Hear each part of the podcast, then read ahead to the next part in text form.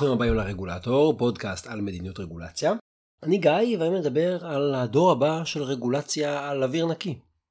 אולי כבר הספקתם לשכוח, אבל לפני כמעט ארבע שנים היה דבר אחד שעניין את כולם, שכולם דיברו עליו, דבר קטן כזה.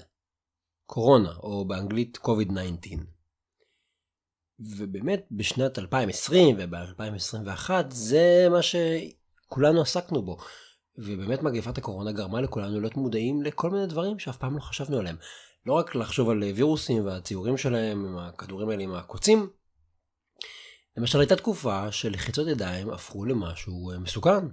שאם מישהו רוצה ללחוץ ידיים מסתכלים עליו כאילו הוא משוגע.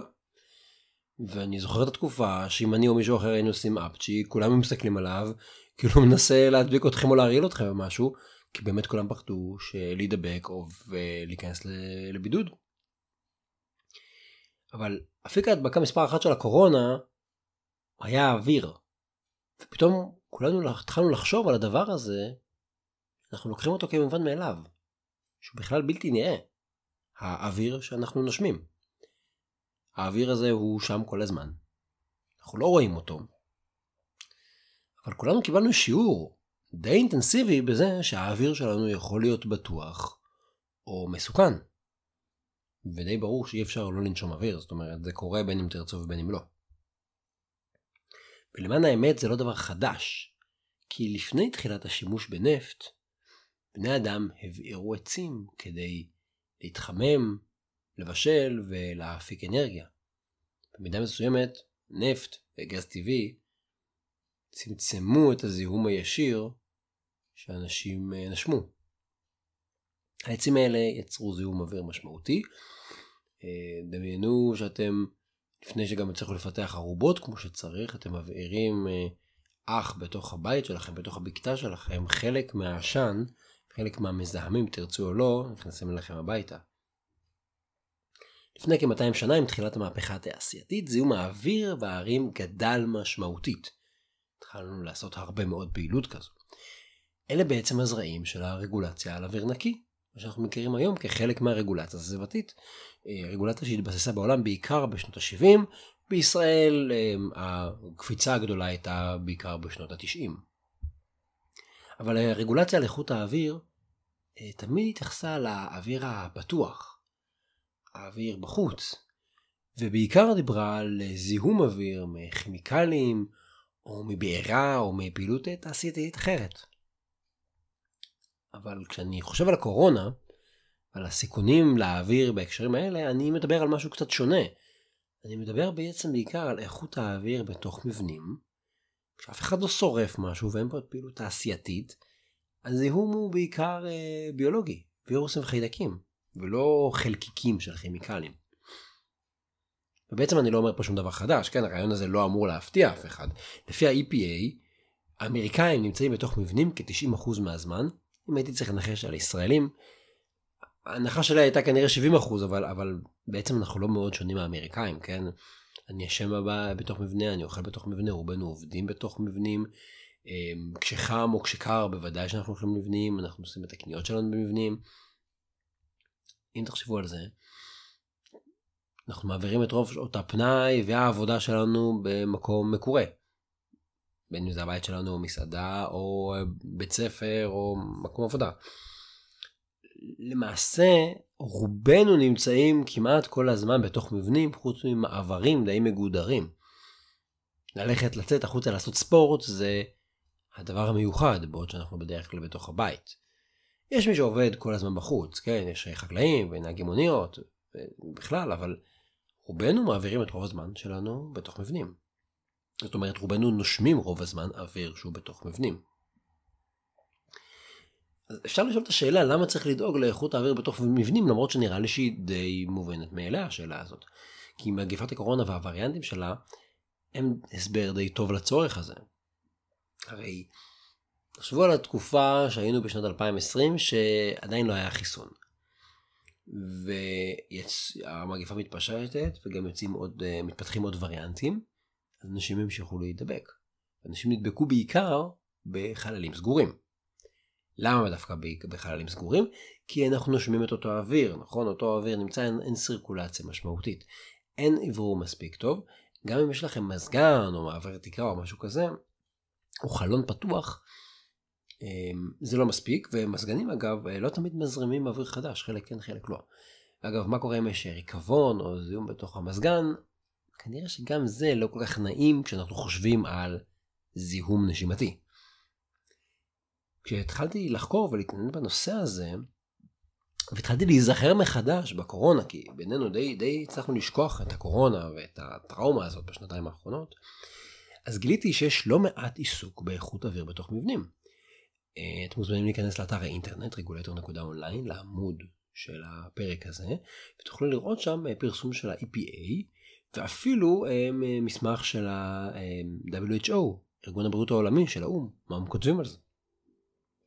ובשנים האחרונות אנחנו רואים יותר ויותר מחקרים שניתחו את וירוס הקורונה בזמן אמת או בדיעבד והראו שהוא ניסה והדביק בעיקר דרך האוויר ולא פחות מהדביק דרך מגע ושהוא הצטיין בלעשות את זה בחללים סגורים. את זה כבר אתם יודעים. ובאמת רובנו דיברנו על מסכות. והקדשנו את שנת 2020 לשאלות כמו איזה סוג של מסכות לקנות, למה מחייבים אותנו להסתובב בחוץ עם מסכות, מאיזה מרחק כשאני מדבר עם מישהו אני צריך להיות עם מסכה או לא צריך להיות עם מסכה. התעסקנו בזה המון, כל זה קשור לאוויר שאנחנו נושמים. וכמובן שאם אנחנו שוהים בתוך חלל סגור, רוב שעות היום ואנחנו נושמים את אותו האוויר בלי טיהור, נכון? רובנו לא מטהרים את האוויר, וכנראה גם אין לנו אוורור משמעותי, אז יש סיכוי שננשום אוויר עם וירוסים. אז במקרה כזה באמת המסכה סיפקה הגנה אה, מסוימת אבל מוגבלת. קיצור, המסכה היא אמצעי הגנה חלקי, כן? כי בסוף אם אני נמצא בתוך החדר כל הזמן ונושם כל הזמן, והחדר עצמו לא מתנקה, אז אני מנסה, זה כמו להיכנס לתוך בריכה של מים ולנסות לו להירטב, כי אני אלבש ביגוד מיוחד. אני בסביבה ש...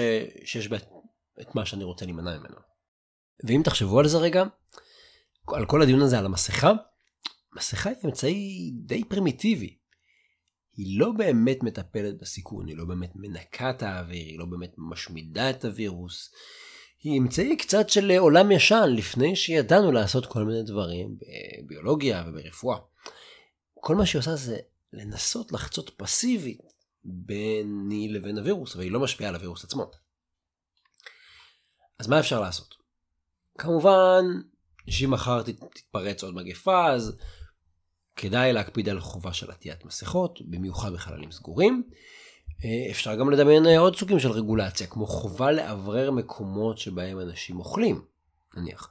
כי במקום שבו אנחנו אוכלים אנחנו בלי מסכה, ואיפה שאנחנו אוכלים ומדברים, יש סיכון מוגבר להדבקה. אבל אנחנו יכולים גם לחשוב הפוך, איזה רגולציה לא לדרוש או לבטל בפעם הבאה. נניח אה, לבטל פרקטיקות שפשוט לא עבדו.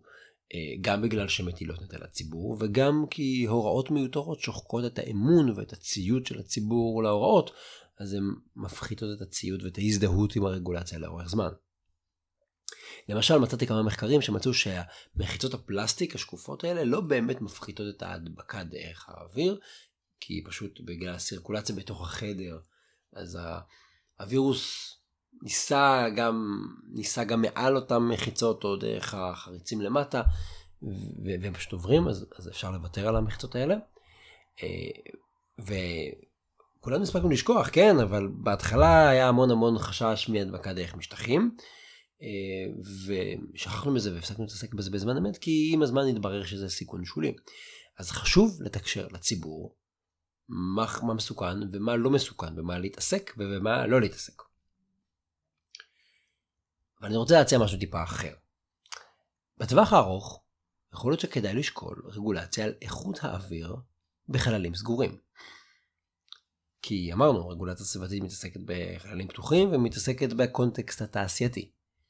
רגולציה על איכות האוויר בחללים סגורים יכולה לכלול אמ, הוראות על ניטור של פתוגנים, סטנדרטים לגבי החלפת אוויר.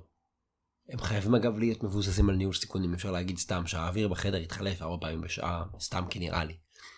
אה, אפשר גם לדבר על רגולציה לטיהור אוויר והשמדה של אה, פתוגנים. מצאתי מאמר שפורסם לפני משהו כמו שנה וחצי בכתב עת סייאנס, כתב עת רציני, והוא השווה בין הסיכון לזיהומי מזון ומים לבין הסיכון להדבקה דרך האוויר. שאגב, השוואה די מתבקשת.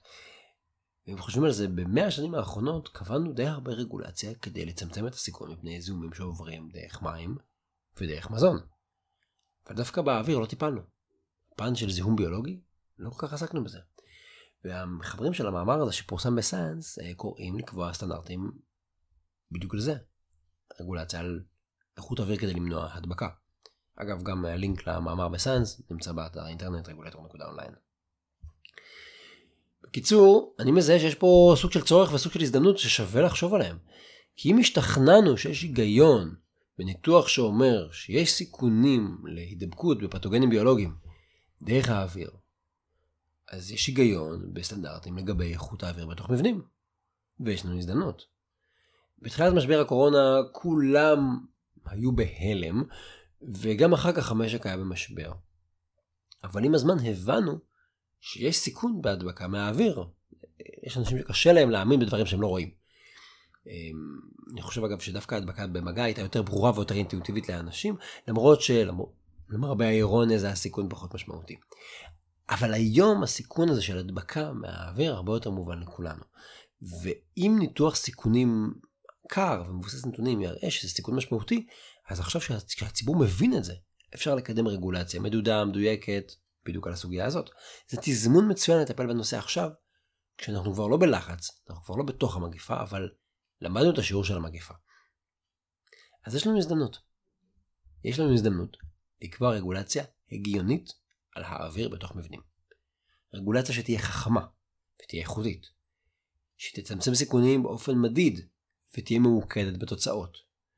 חשוב כמובן שהיא תהיה מבוססת על מחקרים ועל נתונים, שלא תהיה רגולציה של תקוות והצהרות ונפנופי ידיים. רגולציה שתאפשר גמישות.